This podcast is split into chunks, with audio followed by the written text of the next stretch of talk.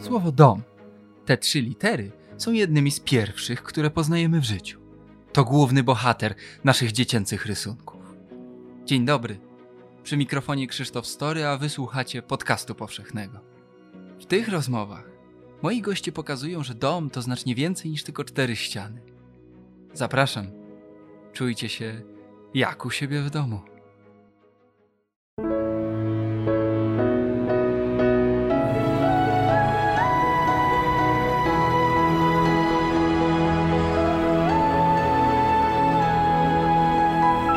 Podcast powszechny. Weź, słuchaj. Dziękujemy patronkom i patronom za wsparcie. Dołącz do grona dobroczyńców podcastu Tygodnika Powszechnego w serwisie Patronite.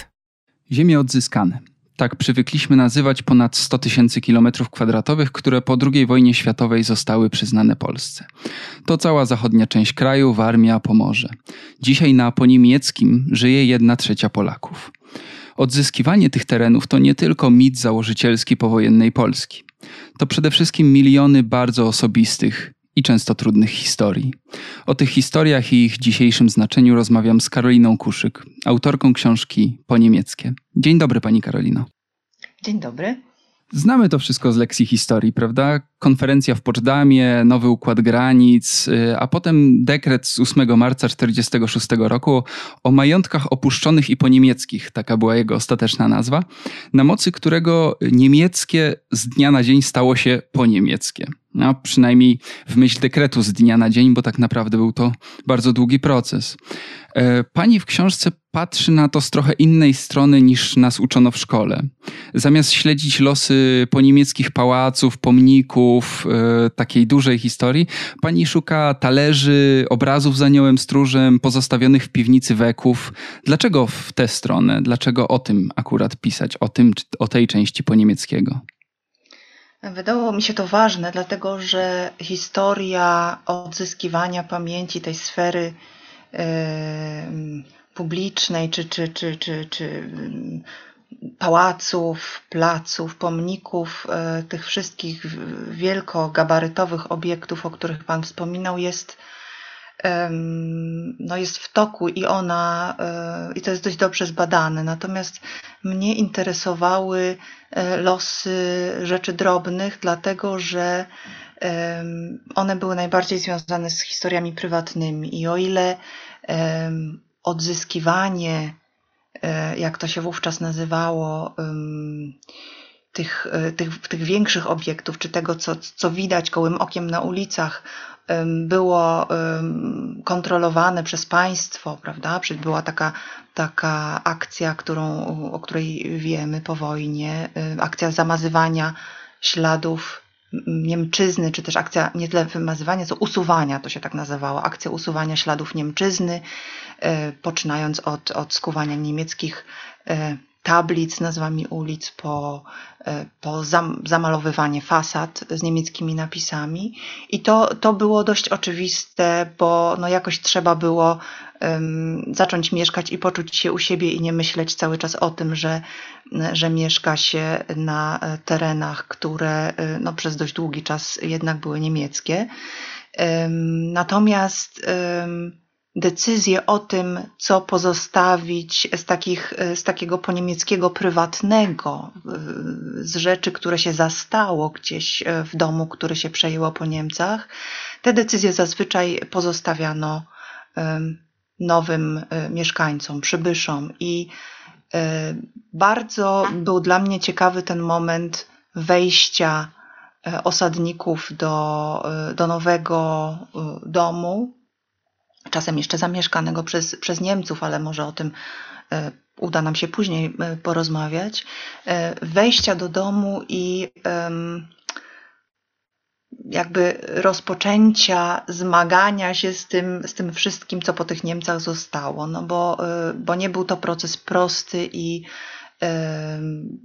i trwał dość długo, to znaczy to urządzanie się na na poniemieckim, na nie swoim. E, ja sądzę, że ono tak naprawdę zakończyło się gdzieś dopiero w latach 80., na początku lat 90., łącz, kiedy, kiedy mieliśmy przełom ustrojowy i już zupełnie inaczej można było o tej polsko-niemieckiej historii mówić. To prawda, że ten proces był długi i wyboista była droga do oswajania się z tym po niemieckim.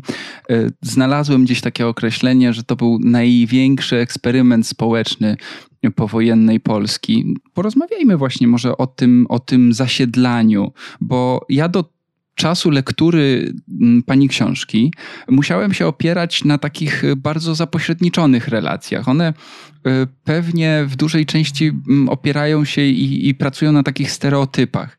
Takim symbolem y, dla mnie był taki ten ciepły talerz zupy, prawda? Że ci nowi osadnicy wchodzą do domu, który świeżo opuścili niemieccy lokatorzy, właściciele i znajdują tam jeszcze, jeszcze ciepły talerz zupy. Ale to przecież nie zawsze tak wyglądało. Czy możemy kilka takich scenariuszy typowych dla tego procesu zadomawiania się y, omówić? Namaluje nam Pani parę obrazów z tego zadomawiania się? Postaram się, chociaż to jest oczywiście ogromny temat y, i były oczywiście procedury, ale dopiero od pewnego momentu. I rzeczywiście jest wiele obrazów, które, które utrwaliły się w naszej zbiorowej pamięci, czy to, czy to za sprawą propagandy, czy to e, właśnie takich filmów jak Sami Swoi, czy Prawo i Pięść. I w tych filmach e, Niemców właściwie już nie ma. W samych swoich jest niemiecki ksiądz, w scenariuszu e, jest zresztą nazwany księdzem po niemieckim. I faktycznie ten, tych Niemców już nie ma, chociaż oni jeszcze byli i było ich niemało. A w zbiorowej pamięci jest ten obraz stołu z talerzami, w których jest jeszcze ciepła zupa, i ja już sama nie mogę mm, o tym słuchać, bo on jest, on jest bardzo sugestywny i, e, i pewnie też dlatego się utrwalił, bo jest nim pewna symbolika. Jakby, jakby to dom niemiecki witał przybyszów nakrytym stołem, stołem a przecież y, bywało rozmaicie, bo roz, rodziny polskie często musiały mieszkać z Niemcami pod jednym dachem. Y, precyzując, y, najczęściej z Niemkami i, i, i ludźmi starszymi, bo mężczyźni w kwiecie wieku dopiero, czy młodzieńcy dopiero wracali z wojny lub na niej zginęli, czy bali się, bali się wracać. Bywało, że Niemców zmuszano do prac, albo razem z nimi pracowano na roli. Mm, bywało tak, że polska rodzina mieszkała na piętrze, a niemiecka w piwnicy, albo w miarę zgodnie dzielono się e, pokojami i kuchnią. Bywały też takie aranże, że na przykład Niemka gotowała dla wszystkich i tak dalej, i tak dalej. I jedni i drudzy nie mieli ostatecznej pewności, jak będzie dalej, przy czym oczywiście Polacy byli zwycięzcami i często te sytuacje wyzyskiwali, czemu czego nie chcę oceniać w tej chwili. Mm, bywało i tak, że Niemcy, którzy uciekli w styczniu i lutym przed ofensywą sowiecką, latem wracali i y, zastawali w swoich opuszczonych domach i mieszkaniach Polaków. Albo zastawali domy już kompletnie wyszabrowane, y, nie, nie zawsze przez Polaków, czasem przez Armię Radziecką, a czasem przez swoich niemieckich sąsiadów, bo i tak się działo. A co, do, a co do procedur, to rzeczywiście warto pamiętać, że domów, mieszkań nie przydzielano od tak. Że, że, nie, że, że nie zawsze było tak, że można wybierać yy, czy przebierać w tych mieszkaniach jak w ulęgałkach. Gdy już jako tako zaczęto panować nad procesem zasiedlania niemieckich ziem i powołano specjalne instytucje w rodzaju urzędu likwidacyjnego, no to e, rzeczywiście było tak, że na lepsze mieszkania często mogli liczyć na przykład nauczyciele wiejscy czy milicjanci. E, więc było tak, że czasem ktoś sobie zajął w tym tuż powojennym chaosie, ale po e, jakimś czasie go wyrzucono, bo na przykład przyjeżdżał nauczyciel czy nauczycielka i trzeba było mieszkanie dla niego wyszykować albo właśnie potem się pojawiła ta zmora kwaterunku, zresztą w całej Polsce, nie tylko na, na tak zwanych ziemiach odzyskanych. Ale jeszcze muszę wspomnieć o, o meblach, bo, bo, bo jeśli domy, to i meble, i inna drobnica. I um, ludzie, którzy znaleźli się w posiadaniu na przykład właśnie mebli, musieli je kupić od państwa polskiego. Wyceniali je urzędnicy z urzędu likwidacyjnego z pomocą specjalnych tabel i mnożników No ale i tu dochodziło do rozmaitych nadużyć, czy, czy prób chowania sprzętów po stodołach, żeby za nie nie płacić. Urząd likwidacyjny właściwie powołano po to, by jakoś skanalizować ten proces szabru, czy nad nim e, zapanować, ale nie zawsze e, to się udawało, a szczególnie w tych, w tych pierwszych powojennych miesiącach, czy w tym właściwie to, to można mówić o roku, by było tak, że często przyjeżdżał ktoś z centrali, zajmował mieszkanie, szabrował je e, dokumentnie, potem przeprowadzał się do kolejnego domu, ten szabrował i tak dalej, i tak dalej. I tak to po niemieckie dobro rozlewało się po całej Polsce. Czasami było tak, że, że ludzie sobie zajmowali po kilka mieszkań, tak jak e, czasem zajmują sobie e, na plaży e, miejsca ręcznikami. I, i przyjeżdżali nas kolejni osadnicy, i dla nich już, już nic nie było pozornie, bo potem się okazywało, że, że mieszkanie się zwalniają. Także i do takich sytuacji dochodziło. Miliony, miliony ludzkich historii, e, bardzo różnych, e, bo, bo pewnie i te obrazki z ciepłą zupą na stole czasami się zdarzały, chociaż nie wiem z jakim zaufaniem podeszliby ci pierwsi osadnicy do takiej ciepłej zupy, bo to, to z tym był chyba problem. Pamiętam z książki opisy ludzi, którzy bali się i z taką dużą nieufnością podchodzili do weków w piwnicy z obawą, że Niemcy je e, zatruli e, dla polskich osadników. Pani korzysta w książce z takiego rewelacyjnego źródła informacji, jakim są e, pamiętniki tych pierwszych osadników.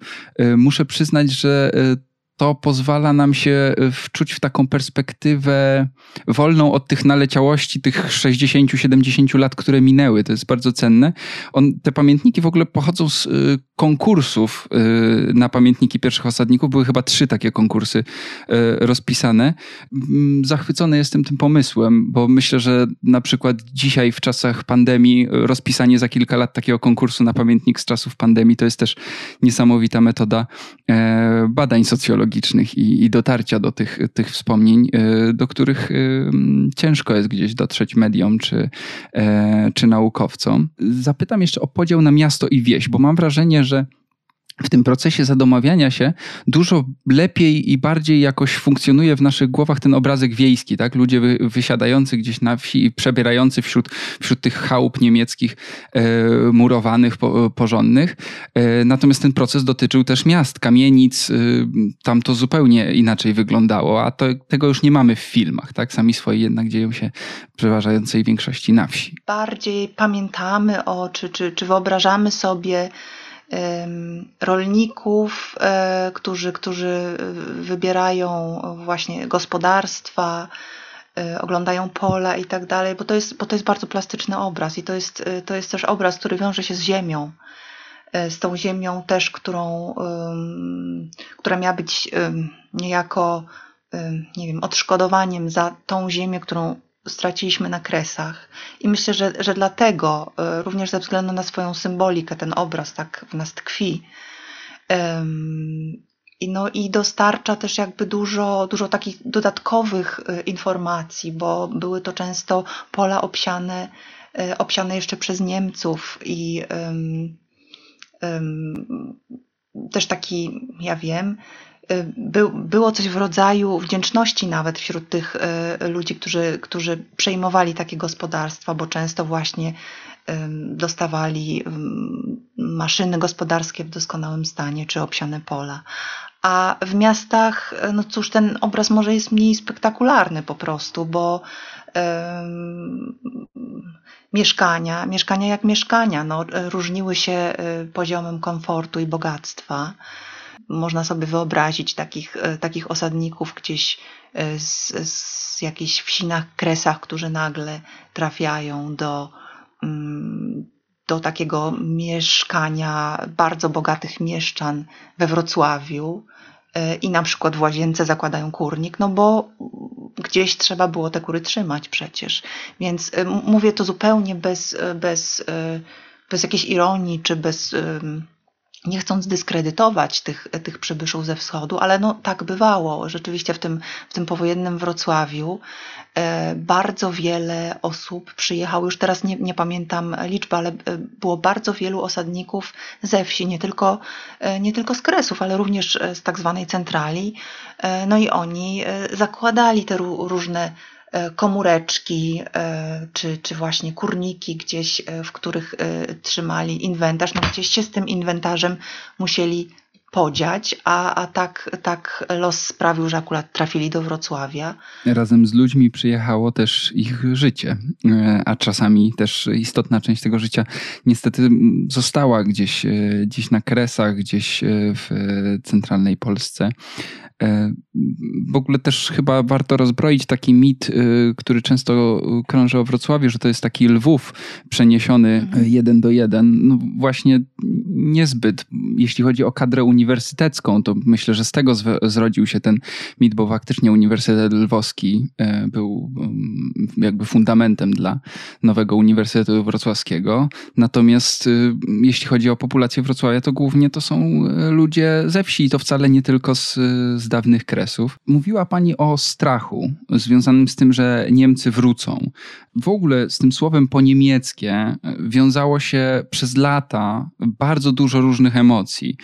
Rozumiem, że ten strach na początku dominował. A jakie były inne e, emocje i kiedy one się pojawiały? Bo nie wszystkie na pewno od razu po wojnie, ale ze słowem po niemieckie w ogóle kojarzy nam się mm, bardzo dużo rzeczy. Z jednej strony takie przerażające pewnie na początku właśnie, niechciane, ale też e, po niemieckie to znaczy dzisiaj porządne, takie dobrze zrobione. Właśnie, ten, e, to słowo jest tak bogate w znaczenia, że nie miałam innego wyjścia e, niż, niż o tym napisać, ponieważ ono towarzyszyło mi e, właściwie od, od dzieciństwa i e, z początku wiązało się przede wszystkim z tajemnicą, bo nie bardzo, nie bardzo wiedziałam, co to, to po niemieckie jest, bo po niemieckie to było po prostu stare czy przedwojenne, ale, ale czułam, że tam jest, jest coś więcej. I w tych historiach prywatnych, osobistych e, właśnie doświadczania po niemieckiego, które czyta się w pamiętnikach e, osadników, czy, czy, czy, czy które mm, słychać w rozmowach, mm, w, w, w tych historiach widać, że te emocje związane z tym słowem były najrozmaitsze i od samego początku, właściwie od y, pierwszych powojennych lat, bardzo ambiwalentne, bo w pamiętnikach jest zarówno y, sporo wrogości, no bo były to, był to krajobraz, były to rzeczy, były to domy, które należały przecież do niedawna y, jeszcze do wroga, do hitlerowców. Choć oczywiście nie wszyscy byli hitlerowcami, no ale wiadomo to tuż po wojnie, jaka była, mm, jaka była narracja i długo po niej też było w tych, jest w tych pamiętnikach też sporo obrzydzenia wręcz do, do tego, że trzeba urządzać się wśród e, tych wszystkich rzeczy. E, ludzie palili książki z, niemiec, z niemieckich biblioteczek, e, niechętnie gotowali w niemieckich garnkach i tak dalej. Pojawiało się też takie myślenie magiczne, że na przykład coś straszyło w domu i przestawało straszyć dopiero wtedy, gdy rodzina przestała spać po niemieckiej pościeli i wyrzuciła wszystkie kołdry. Także takie relacje też się pojawiają, ale pojawia się też i to od samego początku, właśnie ten mimowolny zachwyt. Y, właśnie tak jak wspominałam wcześniej, czy komfortem mieszkania, czy architekturą miasta, czy właśnie takiego gospodarskiego zadowolenia wynikającego z faktu, że pola obsiane, a w gospodarstwie maszyny. Pewien nauczyciel z Wileńszczyzny, który w lipcu 1945 roku trafił do wsi Kunice pod Legnicą, pozwolił sobie nawet na rodzaj e, wyrażenia wdzięczności wobec Niemców za to, że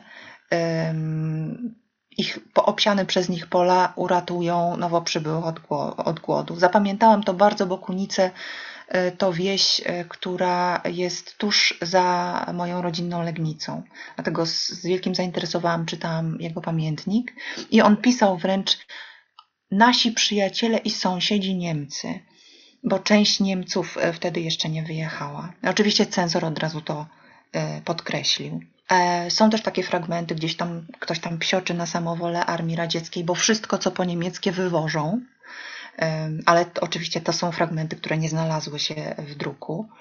Mm, wielu ludziom ciężko było patrzeć na to, jak bardzo rozkradane, szabrowane i dewastowane jest po niemieckie mienie, które przecież ma służyć polskim osadnikom, prawda? I jakby e, echo tych emocji znajdujemy nawet w, e, w polskim westernie Prawo i Pięść, bo tam się pojawia ten jedyny sprawiedliwy Andrzej Kenik, który, e, który broni po niemieckiego mienia, między innymi przed szabrownikami. I mówię o tym, o tym, o tych emocjach takich nieoczywistych, bo yy, moim zdaniem zbyt rzadko się o tym mówi. I o ile po wojnie yy, lansowano taką, jak wiemy, jednowymiarową, yy, optymistyczną narrację o tym, że oto prawowici gospodarze wracają na swoje, na ziemię ojców, to dziś często się spotykam z takim kolektywnym, i równie jednowymiarowym biadoleniem nad tym, jak to Polak przyszedł na poniemieckie i zmarnował. A przecież już naprawdę od długiego czasu ratujemy też to, co z różnych przyczyn zmarnowano za e, poprzedniego systemu i warto o tym mówić.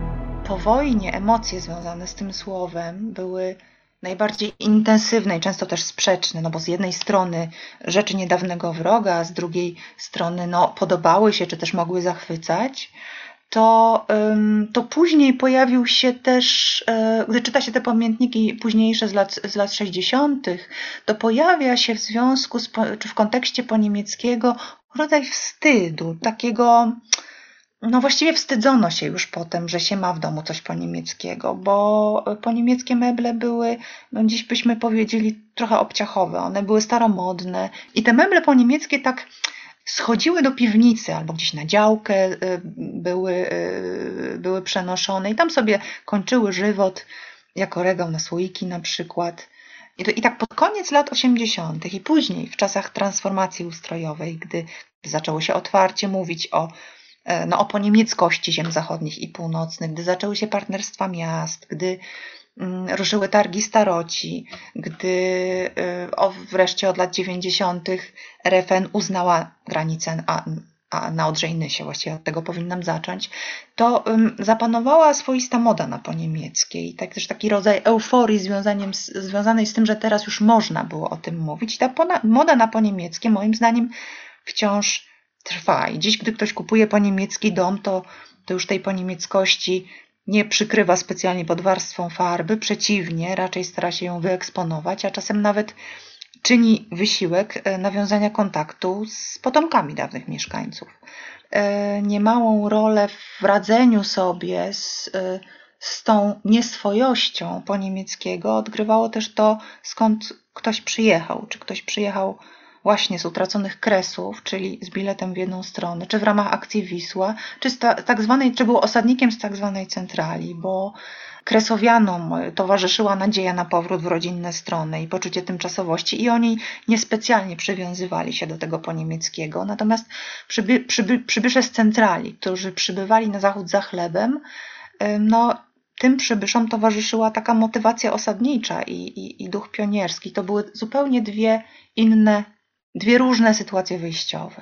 Właśnie chciałem zapytać y, o historię i losy tych, którzy zostali wysiedleni w ramach akcji Wisła, czy to Łemków, czy, czy innych y, narodowości. W jaki sposób ich doświadczenie jest y, szczególne na tle innych osadników na poniemieckim?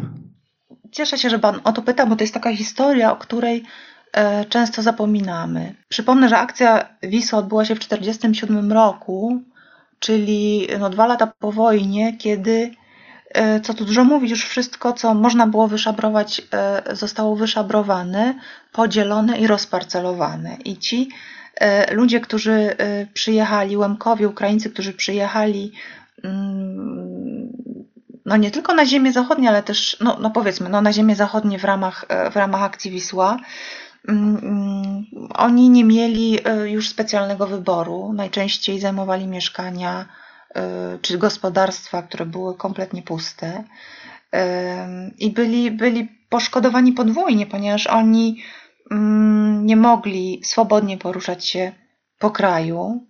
E, bardzo kontrolowano to, gdzie kto się osiedlał, e, bo oni przecież nie tylko byli na ziemiach zachodnich, ale też w centralnej Polsce ich osiedlano. Starano się nie dopuścić do zbyt wielkich skupisk. I nawet jeśli e, groby ich bliskich znajdowały się w granicach kraju, to de facto nie mogli ich odwiedzić. I, i, i tam, w tamtych stronach również wymazowano, wymazowano pamięć o, o, ich obecności.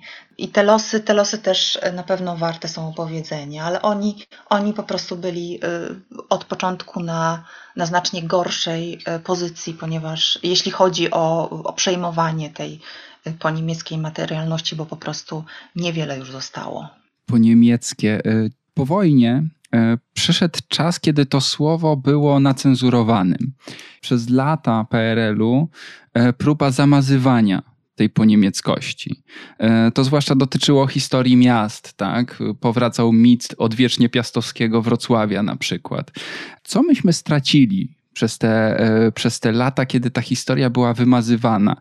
Pani też e, jest jakby częścią e, tego poniemieckiego. Urodziła się pani w Legnicy, co prawda wychowała już w bloku, a nie w poniemieckiej kamienicy. Ale czy, czy pani czuje, że coś pani zabrano przez, przez te lata, kiedy poniemieckie przynajmniej w myśl doktryny politycznej nie istniało? Tak, ja sądzę, że ja się czułam chyba trochę oszukana, ponieważ nie mówiono całej prawdy i E, czy mów, lansowano nam, nam tę te, te jednowymiarową narrację o, o powrocie na swoje w szkole. Świętowaliśmy ciągle te powroty do macierzy. Ja zupełnie, zupełnie tego nie rozumiałam. W ogóle nie wiedziałam o co chodzi z tą macierzą. Nikt nam tego nie tłumaczył też. To były takie rytualne apele, czy, mm, czy jakieś pogadanki, które, które trochę jak trochę pewnie jak nasi rodzice y, w zakładach pracy ich musieli słuchać i, i wpuszczali jednym uchem, wypuszczali drugim. Ja sądzę, że, że, że na pewno y, dużo przez to straciliśmy, ale nie wiem, czy, czy była w ogóle inna droga, bo um, nie wiem, czy spo, takiemu społeczeństwu przetroconnemu wojną, z którego część dodatku wypędzono ze stron rodzinnych, E, czy takiemu społeczeństwu można było w ogóle zafundować jakiś rodzaj bardziej zróżnicowanej czy bardziej złożonej opowieści. To na pewno byłoby trudne. Jakoś trzeba było jakąś, jakąś um, spajającą narrację trzeba było zafundować, a i to, żeby, żeby tę gigantyczną przeprowadzkę jakoś uzasadnić. I to nie zawsze było tak prymitywne, jak dziś chcielibyśmy myśleć, bo, bo chociażby ta pieczołowitość, jaką restaurowano we Wrocławiu gotyckie kościoły, bo one pamiętały polską e, historię, czy też tak, e, tak chciano Wrocław zapamiętać jako gotycki, czy, e, czy jak, jak wielką pracę wykonywali językoznawcy z Komisji Ustalania Nazw Miejscowości, gdy próbowali dokopać się do słowiańskich nazw różnych poniemieckich miejscowości. Jak bardzo musiał się nagimnastykować Władysław Jan Grabski, autor takiego przewodnika bardzo poczytnego wówczas pod tytułem 200 miast wraca do Polski, kiedy starał się wszelkimi możliwymi sposobami uzasadnić e, czy, czy, czy pokazać, udowodnić polskość e, tych ziem, czy słowiańskość e, tych ziem. Czy jak, jak strasznie się musieli namęczyć pracownicy rozmaitych muzeów, kiedy to musieli pokazywać średniowiecze, a później ciupasem przechodzić do lat powojennych, kompletnie ignorując 700 lat istnienia mm, e, no, niemieckiej czy też austriackiej e, historii, e, która, która zupełnie nie grała roli i szukali wówczas owi pracownicy muzeów rozmaitych wyjść z sytuacji, pokazując na przykład miasto przez, przez obiekty, przez, przez zabytki i w ten sposób starając się przybliżyć e, odwiedzającym ten, ten kawałek e, historii, historii no właśnie niemieckiej. Dzisiaj to jest fantastyczny materiał do badań i asumpt do, do odzyskiwania właśnie tej, tej rzeczywistej, tej prawdziwej pamięci. I tutaj czasownik odzyskiwać zyskuje zupełnie inne znaczenie. Ale ja naprawdę nie wiem, czy była E, wtedy inna droga niż, e, niż e, fundowanie narracji jednolitej. Jeden z pani bohaterów w książce cytuje w pewnym momencie Wincentego Pola: Piękna nasza Polska cała, wiele krain, wiele ludów, wiele stolic, wiele cudów ja nie wiem, czy nie potrafię sobie wyobrazić, że, żeby to po, zaraz po wojnie było realne, żebyśmy umieli to po niemieckie tak przyjąć y, z takim y, dobrodziejstwem inwentarza. Natomiast y, podzielę się z panią pewną myślą, bo to dla mnie też jest historia w pewnym wymiarze osobista, chociaż ja urodziłem się w 93 roku, więc powinno mnie to już nie dotyczyć, ale urodziłem się we Wrocławiu i też mam poczucie, że coś mi i temu miastu zabrano.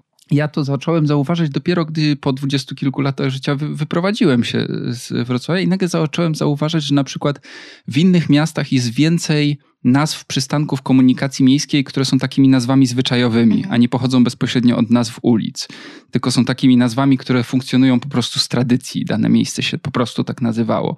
No we Wrocławiu niestety na szybko trzeba było zmieniać Adolf Hitlerstrasse na ulicę Adama Mickiewicza e, i te nazwy też są takie mm, troszkę odgórnie narzucone. No takie były realia, ale też y, moją uwagę zwraca jedna rzecz – bardzo rzadko słyszałem, żeby ktoś mówił, i sam też raczej tak nie mówiłem, że ja jestem wrocławianinem. Czy słyszy się, że jestem krakusem, że jestem warszawiakiem? Wrocławianinem?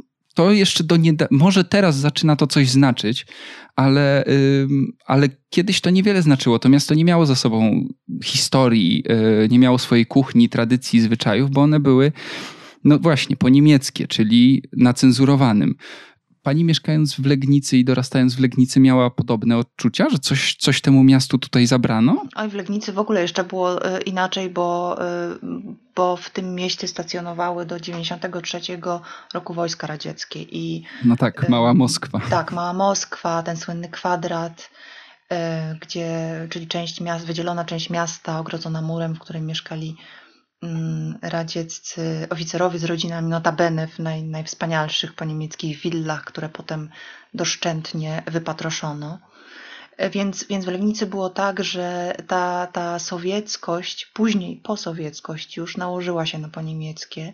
I ja, um, ja chyba rzeczywiście miałam też rodzaj, um, bo ja wiem, czy to było nie, nie czułam się, że, że nie, nie czułam tak jak pan, że nie mogę powiedzieć, że jestem legniczanką.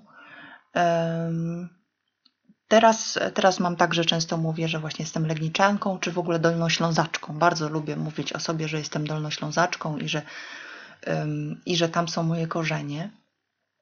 Um, ale, ale Legnica rzeczywiście była jakaś taka, e, takim miastem trochę bez historii, właśnie, właśnie za sprawą tej, tej obecności Armii Radzieckiej.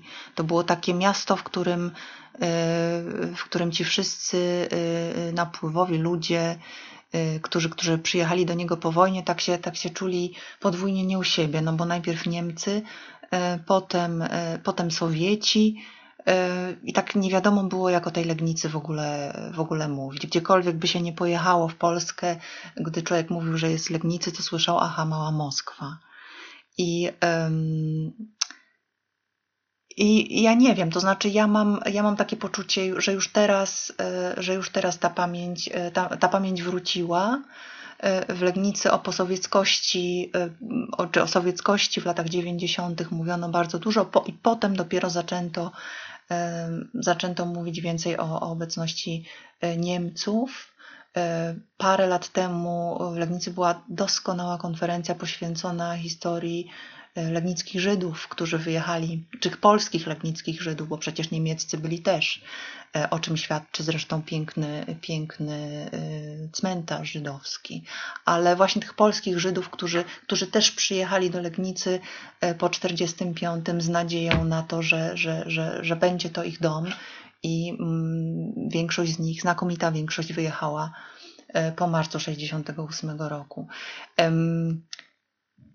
to jest, to jest zawsze trudne. Znaczy w takich nieoczywistych y, y, miastach y, czy miejscowościach, które mają, które tkwią korzeniami w, w historii obcej, w historii niemieckiej, one zawsze są trudne do zdefiniowania i wciąż trwają te debaty tożsamościowe, no to jak się teraz, jak my się teraz określimy? Niektórzy się z tego nabijają, jak na przykład Ziemowit Szczerek, który lubi, e, lubi o, o ziemiach zachodnich i północnych mówić po niemiecja.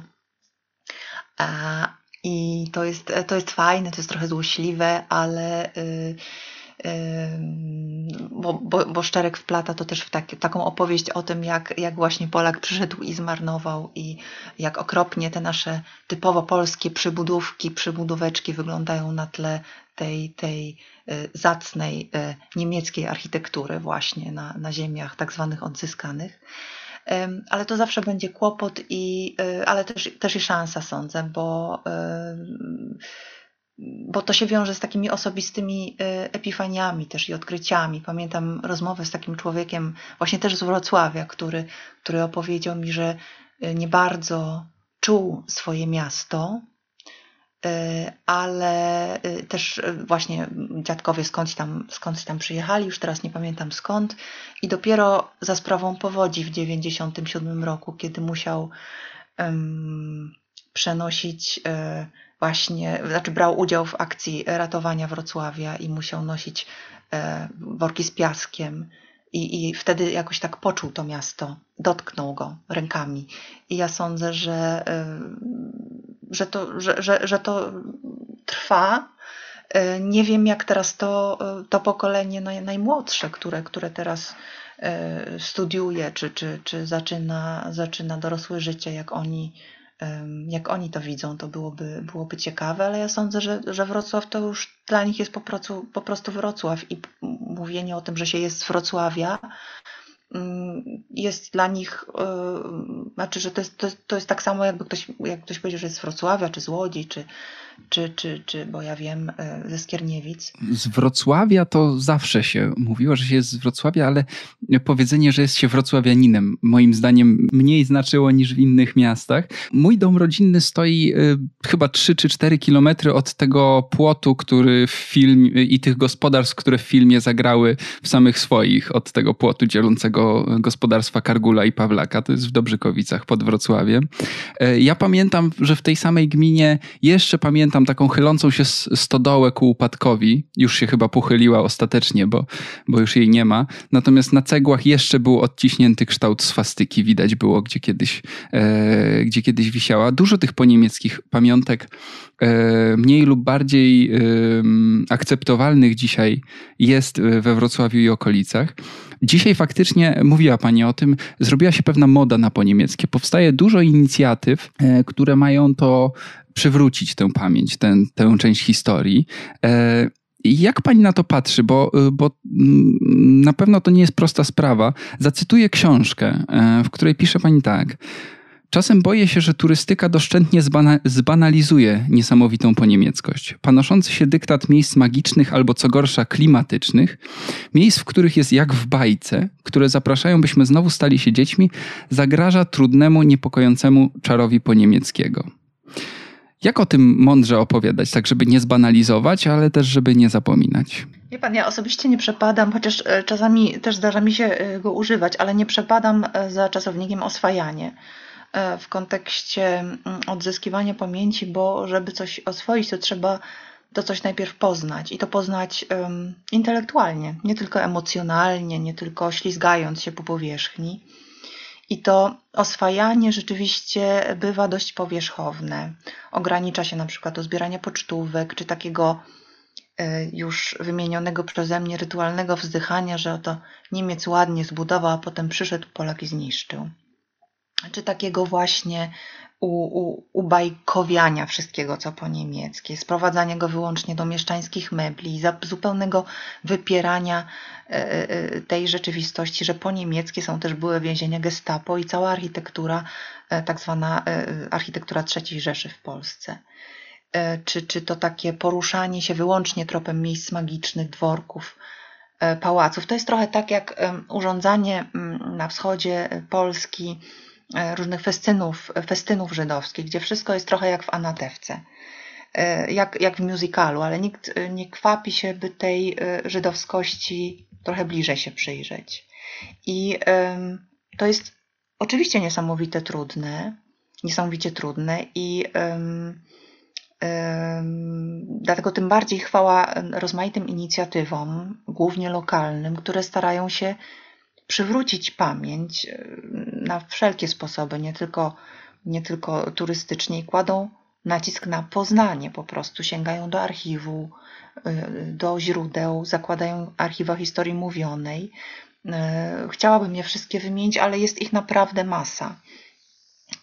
Czasem to tylko jedna czy dwie osoby w danej miejscowości i kilka dochodzących zainteresowanych ale, ale nawet już to trochę rusza lokalną społeczność. Jak na przykład historyczne e, spacery po żaganiu, które organizuje tam jeden, jeden zapaleniec, Mariusz Wieczerzyński.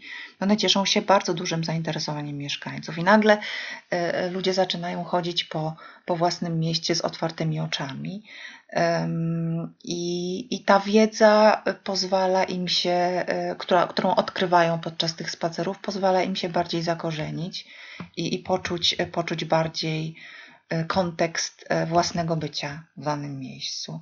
Ale um, ja sądzę, że um, teraz coś powiem, co, co, co, co może trochę odbiega od tematu, ale wydaje mi się to ważne, bo bo często obserwuję też taką fascynację tylko latami do 45 roku. To znaczy, bywa tak, że ludzie wiedzą, że tu i tu przed wojną była piekarnia, e, nawet wiedzą, jak nazywał się tej piekarni niemiecki właściciel, ile miał dzieci, jak się nazywały, a zupełnie nie wiedzą, gdzie po wojnie znajdował się na przykład pierwszy sklep spożywczy, który zakładali pionierzy, może nawet ich dziadkowie.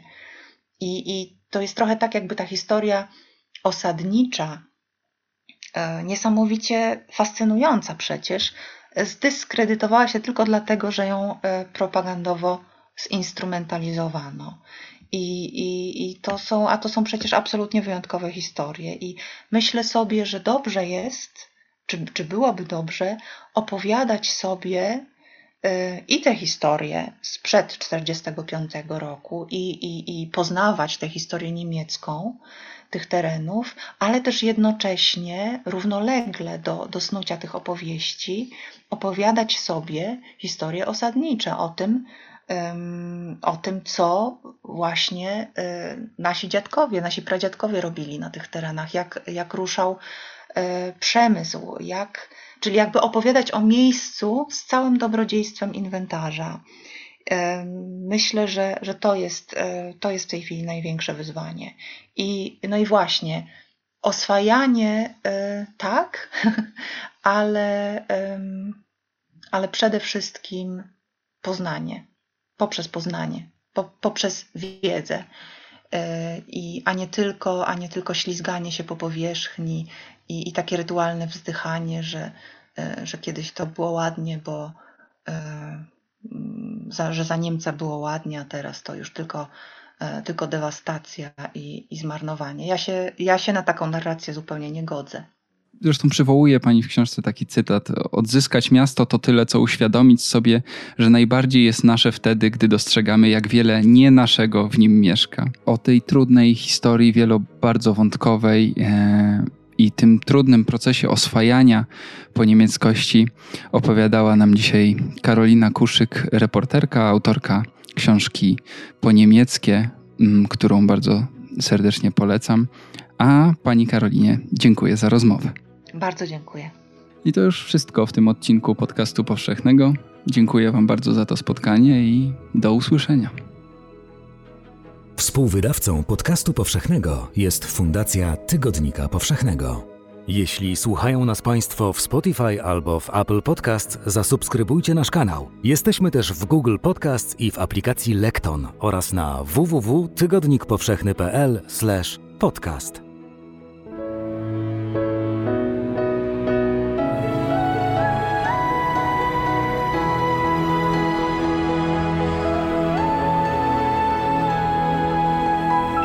Podcast powszechny. Weź, słuchaj.